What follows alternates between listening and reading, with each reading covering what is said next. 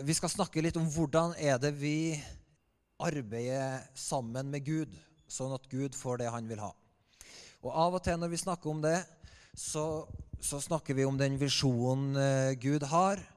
Eh, av og til så snakker vi om eh, hvordan Gud jobber ut sin plan i verden. Og i dag så har jeg lyst til å snakke litt om det. Hvordan på en måte arbeider Gud med oss i denne bygginga som han gjør, i lys av sin store plan. Så vi skal ikke bruke masse tid på Guds store plan, det, for det kan vi bruke masse tid på. Men vi, jeg ønsker å være litt sånn praktisk og si hvordan arbeider Gud med oss, og hvordan arbeider vi sammen med Gud. Eh, og da, Alt vi skal stå på i dag, det på en måte finner vi i det her verset fra Kolosserbrevet 2 og vers 6-7. Dere har tatt imot Kristus Jesus som Herre. Lev da i Han, vær rotfestet i Han og bygd på Han. Hold fast ved den tro dere er opplært i, med overstrømmende takk til Gud. Amen. Så de to stikkordene som vi skal bruke, eh, som er liksom hovedfokuset her i dag, det er eh, rotfesta i Han og bygd på Han. Men før vi kommer dit, så sier Paulus her dere har tatt imot Kristus Jesus som Herre. Lev da i Han. Eh, og det, så det han egentlig sier her Dere har tatt imot Kristus Jesus som Herre. Og da sier han litt mer enn det vi gjerne hører på norsk, fordi at Kristus er jo et sånt gresk ord som betyr 'den som er salva'. Og det er da det greske motstykket til det hebraiske Messias-uttrykket om Herrens salvede. Denne kongen som folket venta på, som skulle komme og bringe frihet. Så når vi snakker alltid når du leser om vet du, Kjært barn har mange navn. Sånn er det også med det her kjære barnet i krybben. Han har mange navn. Han, et av de navnene som vi finner igjen og igjen, det er da Kristus. Og det danner et veldig veldig eh, viktig bakteppe for vår forståelse av det å leve med Jesus som Herre. Fordi at vi Den forventninga som folk gikk med når Jesus skulle komme, det var ikke at det skulle liksom komme en fyr med en del bud og regler. Som liksom en sånn slags sjef. Det var, det var ikke forventninga at det skulle komme en sjef inn på banen. Eller det var heller ikke forventninga at det skulle komme en slags religiøs leder for folk som var spesielt søkende for religiøse ting. Men hele forventninga var, var, sånn her Vi er i trøbbel. Gud har sagt det skal komme en som har makt til å fikse tingene. Få det bra igjen. Sett oss fri. Ordne opp. Helt praktisk var forventninga. Det skal komme en konge som har makt. Han er salva av Gud. Han er salva av Gud til å gjøre godt, til å sette undertrykte fri, til å løse lenkene på fanger, til å åpne øynene på dem som er blinde. Eh, så, sånn at eh, hele forventninga gikk på denne kongen som skulle komme. Og at når hans kongevelde ble etablert, så ble det en sånn vedvarende Under hans kongedømme så ble det en vedvarende fred. En vedvarende frihet. Det var sånn at Når denne kongen kom, så var det ikke sånn at andre konger bare kunne komme på banen og så liksom kuppe makta tilbake. Men det var en vedvarende, økende fred og frihet i det her riket som var det messianske riket som folk gikk og venta på. Så når så det var forventninga til Jesus. Og Jesus stiller seg fram og så sier han, Hør her, jeg har kommet for å faktisk oppfylle denne forventninga. Kanskje ikke på, helt på den måten dere har tenkt, eh, liksom med å være en sånn eh, eh, krigers konge som kommer og bare eh, utrydder eh, liksom fiendene deres med et par raketter og en bombe her og en bombe der. Jesus sier nei, det er ikke sånn makta mi kommer. Men jeg har kommet for frihet. Jeg er kommet for å sette undertrykte fri. Jeg, har faktisk kommet for å gjøre en forskjell. En reell, opplevd, erfart forandring i hverdagen din. Så, så, det her er litt sånn Av og til når du hører liksom Kristus, så får du lyst til å synge litt sånn religiøst. Og Kyrie, liksom Kristus. Men det, men det er liksom ikke den her religiøse greia som er greia med Jesus. Men det er han kommer og forandrer. Han kommer med makt, han kommer med endring, han kommer med reell Han er en konge som bryr seg om de utfordringene som faktisk er der.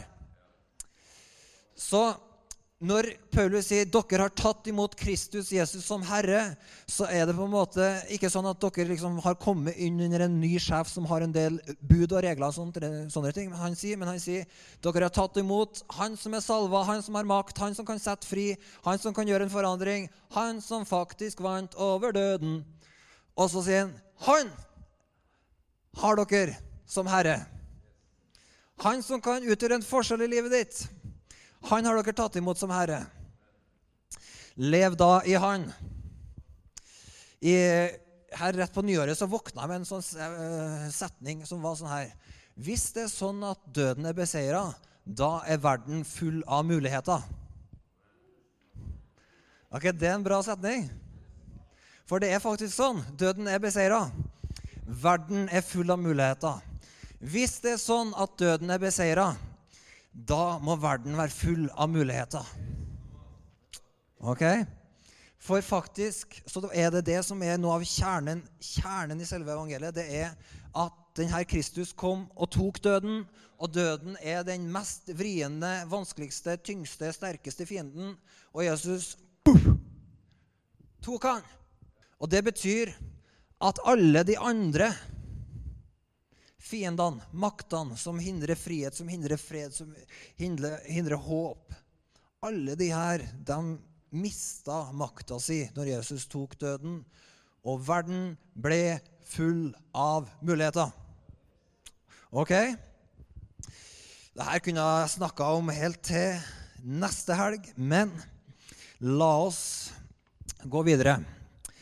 Eh, dere har tatt imot Kristus Jesus som Herre. Lev da i Han.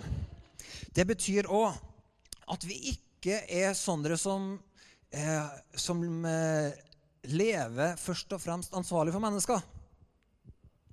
Og det er et frigjørende budskap. Livet mitt måles ikke opp om alle mennesker er fornøyd og liker det jeg gjør og sier. Det er ikke målestokken på livet mitt. Men jeg har faktisk tatt imot Kristus, Guds Messias, som Herre. Og, og det, historien om livet mitt sånn at, at at Gud han har tatt Jesus og gjort han til sin konge. Så det betyr at jeg lever for Guds ansikt med livet mitt. Og har oppdaget, når jeg tok imot Jesus som Herre, så oppdaga at faktisk livet mitt det handler om å bringe ære til Gud. Og det viktigste spørsmålet i livet mitt det er hva er det Gud vil ha? Hva er det Gud vil ha? Og det viktigste spørsmålet for oss som menighet er hva er det Gud vil ha? For Gud har gjort Jesus til sin konge. Han har sagt han skal ha æren, han skal ha makten. Alt det her, visdommen, tilbedelsen, alt tilhører Jesus. Hva er det han skal ha? Så det blir det drivende spørsmålet i livet vårt. Ikke liksom hva mener dem, hvordan kan de bli fornøyd, hvordan sånn, sånn, sånn. Nei, hva er det Gud vil ha? Og det er veldig frigjørende. Det betyr at den eneste som jeg egentlig står til ansvar for, det er Gud.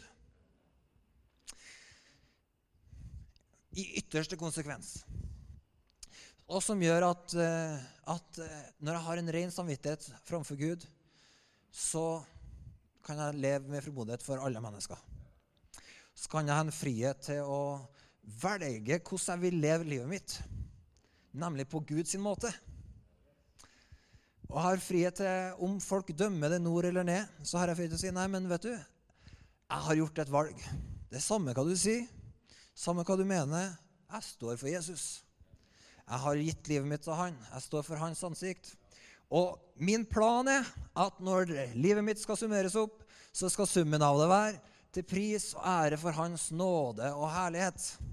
Det betyr livet mitt skal være en skryteliste om at Gud er nådig. At Gud er barmhjertig. At Gud har vist seg stor ikke at Håvard er flink, ikke at Håvard er sterk, ikke at Håvard får det til, men at Gud er nådig, til pris og ære for Hans herlighet. Også, og til pris og ære for Hans nåde. Så, så det er det, begge de her du vet, Når du har gitt livet ditt til Jesus, så blir på en måte livet ditt en sånn tosidig lovsang. Nederlagene dine blir til pris og ære for Hans nåde, og seirene dine blir til pris og ære for Hans herlighet. Du kommer godt ut av det uansett. Og Gud kommer godt ut av det uansett. Og grunnen til det er at Jesus vant på korset, og der forandra alt seg. Ok?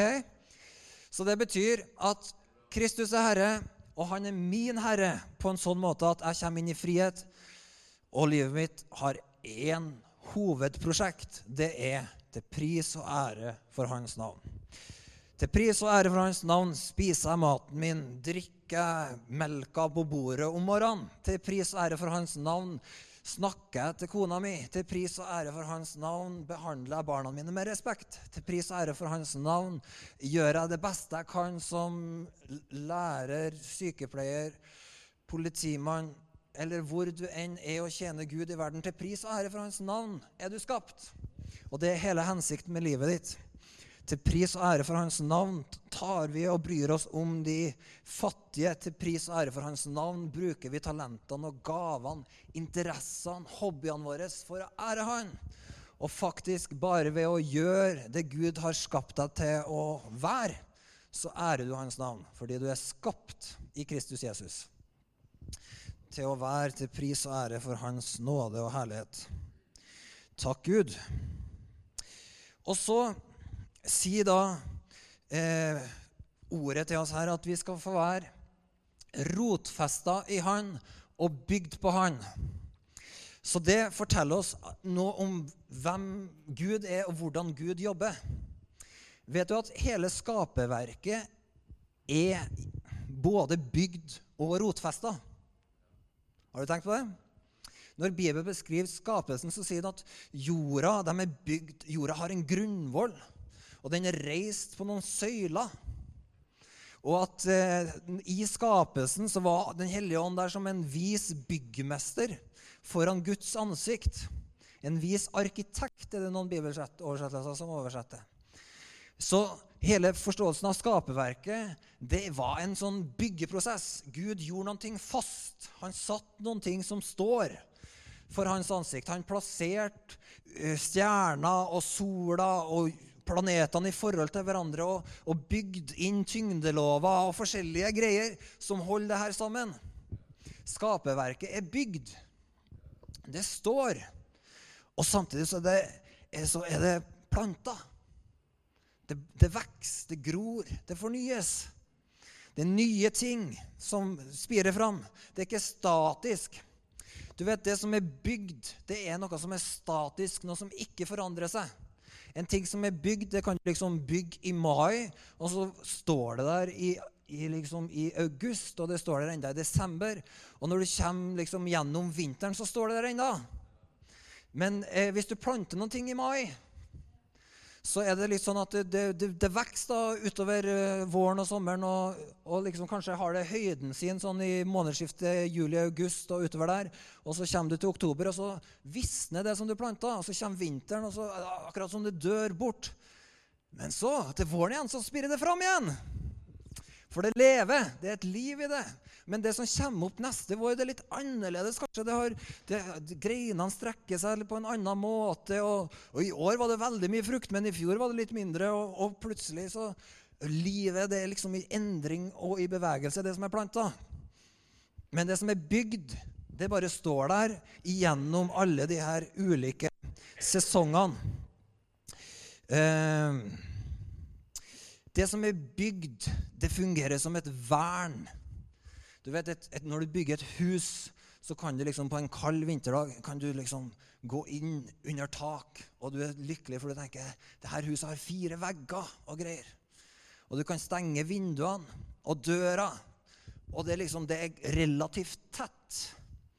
Og du kan fyre opp i peisen, og det kan være storm ut, men det som er bygd, står som et vern Sånn at du til og med liksom i ti minus i Trondheim en januarkveld kan sette deg og kjenne at hei, her inne er det fredfullt og godt og varmt og trygt og bra. Her går det an å leve. Hvis du skulle hatt den kvelden og den natta liksom ut i det fri, så hadde du kjent at det hadde vært en smule ukomfortabelt. Um, men du er glad for det som er bygd, for det står. Men du hadde liksom aldri liksom tenkt at du ville ha planta noen ting som skulle ha verna deg mot vinteren. Er det Sant? Denne hekken her liksom, den blir fin å ha til vinteren. Eller denne uh, tulipanenga her, den skal liksom verne meg når vinteren kommer. Nei, nei, nei. Det er noen ting som er planta, eh, men det er noen ting som er bygd. Og det som er bygd, det er et vern for oss. Men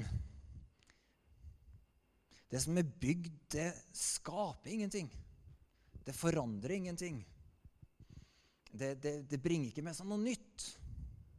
Det bare bevarer det som er der. Så, så Gud jobber Guds visdom er på en måte i det her. Det er noen ting som er bygd, det er noen ting som er planta. Og Gud jobber i det her bildet med oss. Vær rotfesta, vær bygd på Kristus. Rotfesta i Han og bygd på Han.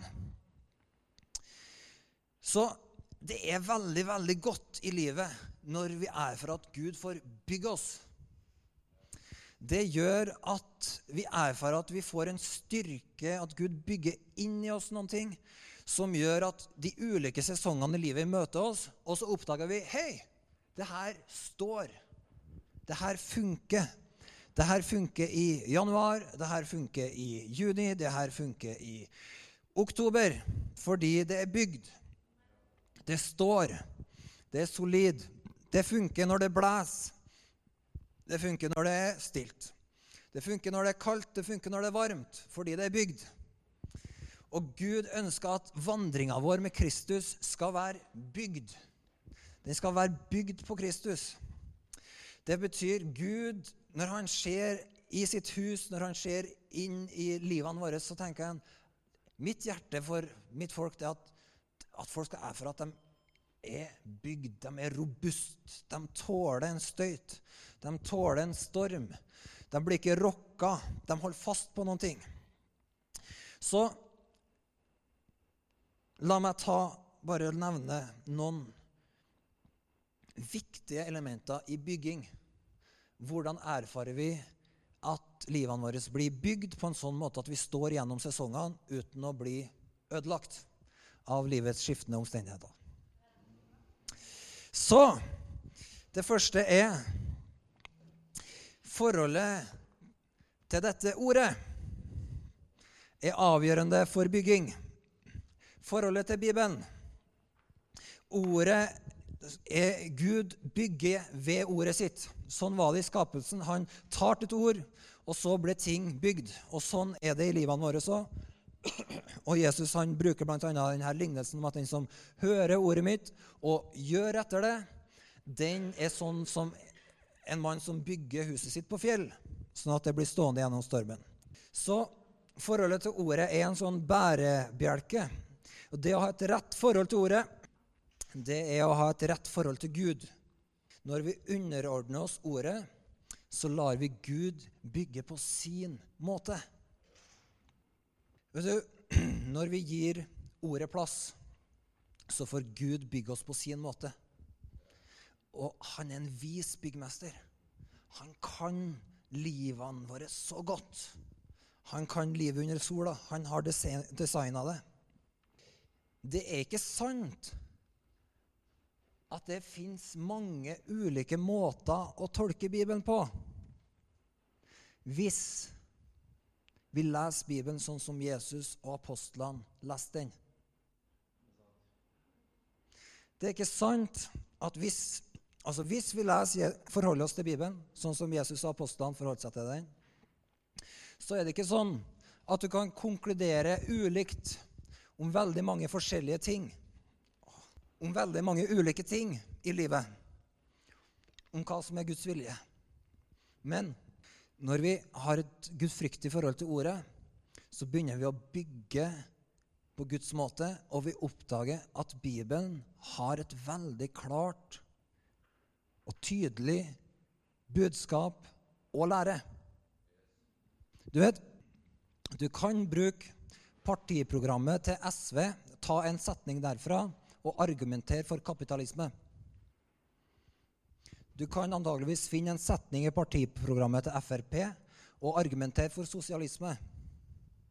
Men når du leser hele partiprogrammet til Frp, så er ikke sosialismen budskapet der. Og når du leser hele partiprogrammet til SV, så er ikke kapitalismen hovedbudskapet der. Noen vil bruke enkeltvers i Bibelen til å si ting som er stikk i strid med Guds vilje. Men når vi leser Bibelen og tror at hele Skriften er innånda av Gud Sånn forholdt eh, apostlene seg til det, sånn forholdt Jesus seg til det. Så forstår vi at, det, at Gud har én plan og en vilje som kommer til uttrykk gjennom hele Bibelen. Og Bibelen er ikke full av motstretninger og Bibelen er ikke full av tolkningsmuligheter. Men når du oppriktig leser hele Bibelen for å kjenne Guds vilje, så oppdager du hei, det er faktisk lett å finne Guds vilje i Bibelen. Og det er ikke masse ulike options. Men Gud har én vei som det er lett å følge. Nå skal jeg gi dere en litt sånn oppmerksomhet her. I det norske samfunnet i dag Det største religiøse maktovergrepet som skjer i Norge i dag Nå må du høre nøye etter.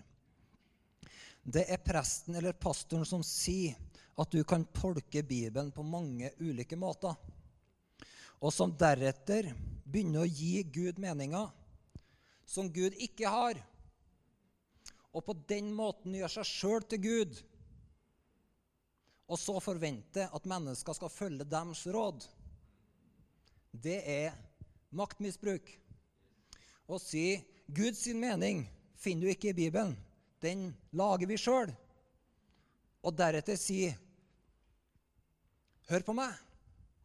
Det å gjøre seg sjøl til Gud når religiøse mennesker snakker på den måten, da må du være våken og si Du holder på å stjele en maktposisjon som hører Gud til. Og det du gjør, er livsfarlig for mennesker og skadelig for mennesker fordi det er Guds vilje som er god. Amen. Sant kristent lederskap det er mennesker som underordner seg under Bibelen og gir ordet videre. Så mennesker ikke blir knytta til dem, men at mennesker blir knytta til Bibelen. Knytta til Jesus. Knytta til, til Gud sjøl. Og et lederskap som kan si alt står her. Ikke vær redd for Bibelen. Den er fra Gud. Den er innånda Den hellige ånd. Les den, les den, les den. Lev den, lev den, lev den. Amen. Så et rett forhold til Bibelen gir oss å bygge på Guds måte i livene våre. Et disippelforhold. Jeg vil eh, trekke fram eh, en byggende faktor til. Det er å komme inn i byggende relasjoner til lederskap i Guds hus. Og til fedre og mødre i huset. Fordi Hvis vi leser videre her i, i Kolosserbrevet 2, så sier han 'hold fast ved den tro dere er opplært i', med overstrømmende takk til Gud. Så han sier ikke 'hold fast ved den troa som du fant opp', men hold fast ved den troa du er opplært i. Det betyr at implisitt det fins et prinsipp i Guds hus av at det er noen ting vi gir og tar imot og holder fast på. Noen ting vi blir gitt, som vi tar imot, og som vi holder fast på. Det står om de første kristne at de trofast holdt seg til apostlene sin lære. De tok imot noen ting. Det var ikke sånn at alle kristne bare kom inn i en sånn Altså at det å være bibeltro gjør at du liksom er en sånn Enhver person lager sin egen lære. Nei, nei. Å være bibeltro betyr vi tror på dette ordet, vi arbeider sammen med det. Og så tar vi imot den læra, og så sjekker vi finner vi denne læra i Bibelen. Og så sier vi ja, hvis vi finner det her i Guds ord, og det her blir gitt oss av de lederne som Gud har gitt oss, så vet vi at det her kan vi bygge livet vårt på. Så når vi Når Bibelen lærer oss om å holde fast på den tro som er overlevert, eller som vi er opplært i, så handler det om at vi får Vi blir gitt lære å holde fast på. Og Gud har gaver i huset sitt, og han har myndighet i huset sitt til å gi lære. Og du trenger å komme inn Jeg regner med dere fleste som er her, men nå bare forkynner jeg for alle og enhver og sier bare høyt og tydelig Lev menighet på en sånn måte at du vet hvem du står i et forpliktende læreforhold til. Fordi Gud, han har apostler. Gud, han har pastorer og eldste som har et ansvar for lære i huset. Og som gjør at vi sammen holder fast på noen ting som vi er opplært i. Og det, Nå snakker vi igjen da, ikke bare om sånn blind underordning, men vi tar imot fra Gud gjennom mennesker. Og vi lytter fra Gud både i ordet, men òg i et forpliktende lærefellesskap. Som betyr da, sånn som jeg var inne på, at, at vi lar Gud bygge oss på områder. Personlig så hadde jeg, når jeg begynte å våkne opp for Jesu herredømme, så hadde jeg veldig Hva skal jeg si Jeg var litt redd for Den hellige ånd. Så, og så møtte jeg Den hellige ånd. Da var jeg ikke redd for han lenger. Så, så begynte jeg å drikke av Den hellige ånd og ble døpt i Den hellige ånd. Men tok, jeg tok imot lære om undervisninga om dåp i Den hellige ånd og sto på det en stund før jeg klarte å se det i Bibelen. Men nå når jeg ser på og på en måte har erfart mer av livet i Den hellige ånd og ser på de bibelske skriftene, så underviser jeg at dåpen i Den hellige ånd er noe for alle kristne. Og at dåpen i Den hellige ånd eh, viser seg bl.a. i at man taler i nye tunger. Og at man har kraft fra Gud i et liv som flyter over. Strømmer av levende vann. Og for meg nå så er det veldig klart i Bibelen når jeg leser Bibelen, at det er sånn det er. Og jeg kan tro jeg til og med kan undervise det fra Det gamle testamentet. Ikke bare fra Nytestamentet. Om dåpen i Den hellige ånd. Men eh, det var en lang periode i livet mitt, hvor, eh, ikke en lang, kanskje et par år, hvor jeg tenkte at jeg har, står i et læremessig forpliktende fellesskap som gjør at jeg kan ta imot lære og undervise om dåpen i Den hellige ånd, gi det videre. Selvfølgelig trodde jeg på å legge hendene på folk og se Guds kraft formidla, men for meg så var det en periode hvor jeg trengte å ta imot og stå i et forpliktende lærerfellesskap før jeg fikk del i en åpenbaring. Sånn har jeg av og til hatt det på ulike områder.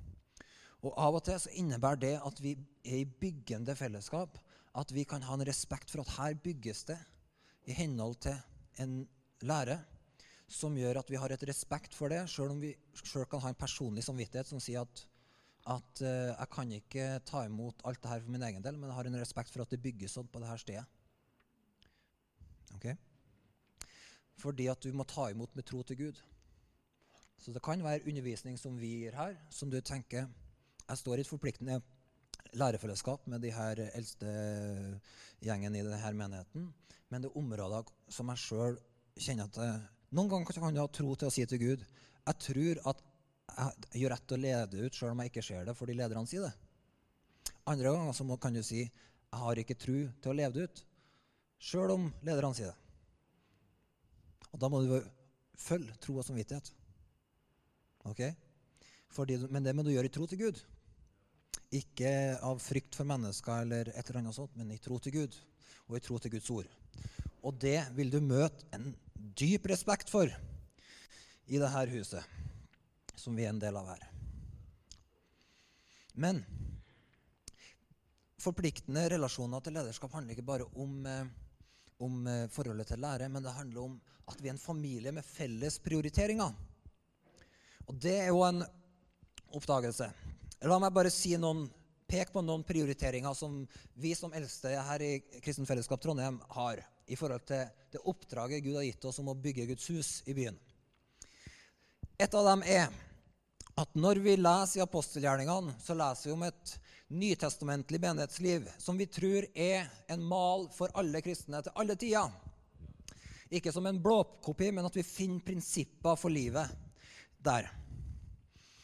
Det betyr at vi holder fast på at vi samles offentlig og i hjemmene.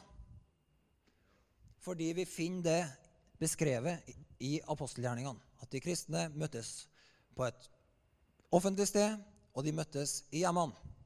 De brøt brødene i hjemmene. Så det var et nært fellesskap der de antageligvis ble tatt inn i det Jesus sjøl hadde lært opp disiplene sine til, nemlig at å være i Guds familie handler om disippelgjøring. Jesus demonstrerte, han forkynte ikke, men han disippelgjorde enkeltmennesker ved å vise og være et eksempel og gi en personlig veiledning til disiplene sine. Så vi tror på hjemmene som en byggearena her i menigheten. Og vi har, eh, Som eldste så har vi òg husgruppeledere som vi gir et ansvar for å ta vare på husgruppa. Og i de husgruppene så tror vi at det skal være jevnlig brødsbrytelse. Så det her kan du ta opp med gruppelederen din. Hvis du ikke opplever det, så kan du ta opp og si hei, jeg har hørt at en av de eldste har sagt på gudstjeneste at eh, på husgruppene skal det brytes brød jevnlig. Det skjer for sjeldent her. Kan, vi, kan, jeg være med og bidra til at det kan skje? Så du hørt hva jeg sa på slutten der? Ikke det må du fikse, men du sa hvordan kan jeg være med og bidra til at det kan skje? Oftere. Ok? Så brødsbrytelse er en del av det. Å leve i forpliktende relasjoner som gjør at vi, vi, er nært nok til at vi kan gi hverandre feedback, gjøre opp ting, bekjenne synd, leve som søsken. Og det er et sted for oppbyggelse. Fordi vi tror vi trenger å bli bygd opp, så er ikke husgruppene i Kristen Fellesskap Trondheim et sted for kaffeslabberas, men det er et sted hvor hensikten når vi kommer sammen, er at hver enkelt kommer med noe for å bygge det andre opp. Sånn at når vi er sammen, så er det et sted der du blir oppmuntra og styrka fra Gud. Det er et fellesskap i Kristus. Og så er det et sted for å bli kobla på et oppdrag, fordi at veldig mange av oss har lyst til å være i vår egen lille klikk, men vi ønsker å jobbe gjennom husgruppa for å ha et fokus på at vi skal nå videre ut. Nå nye mennesker, be for mennesker, invitere folk inn. Strekke oss ut til Herren og ut til mennesker i det her forholdet her. Mm. Så Og så er det et sted for um, å leve ut en praktisk og jordnær kjærlighet. Søskenrelasjoner på en praktisk måte. Og del med hverandre hverdagens utfordringer. Alt dette er byggende stoff som gjør at Guds hus blir bygd. Men vi tror på gode husgrupper fordi at det er nøkkel til oss for å lykkes med en del av de verdiene vi ser i Nytestamentet at hører til i Guds hus. Så her var to områder i forhold til det å bli bygd som vi kunne, vi kunne sagt mye mer. Men eh, Gud ønsker oss sterk. Så nå skal du få en siste eh, sak i forhold til det å være bygd. Nå skal vi gå inn for landing her, men, men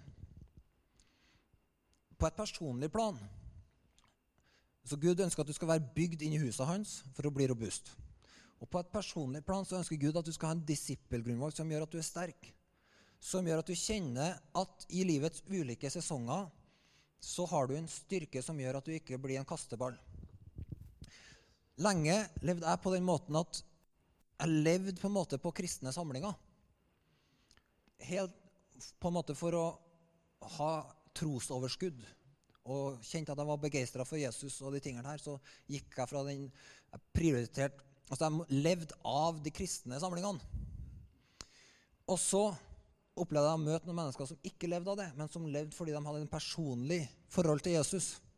Og hadde sjøl et forhold til ordet, sjøl et forhold til nådens trone, som gjorde at uansett hva de møtte i livet, så var de sterke, hadde tro, fred, glede i Den hellige ånd.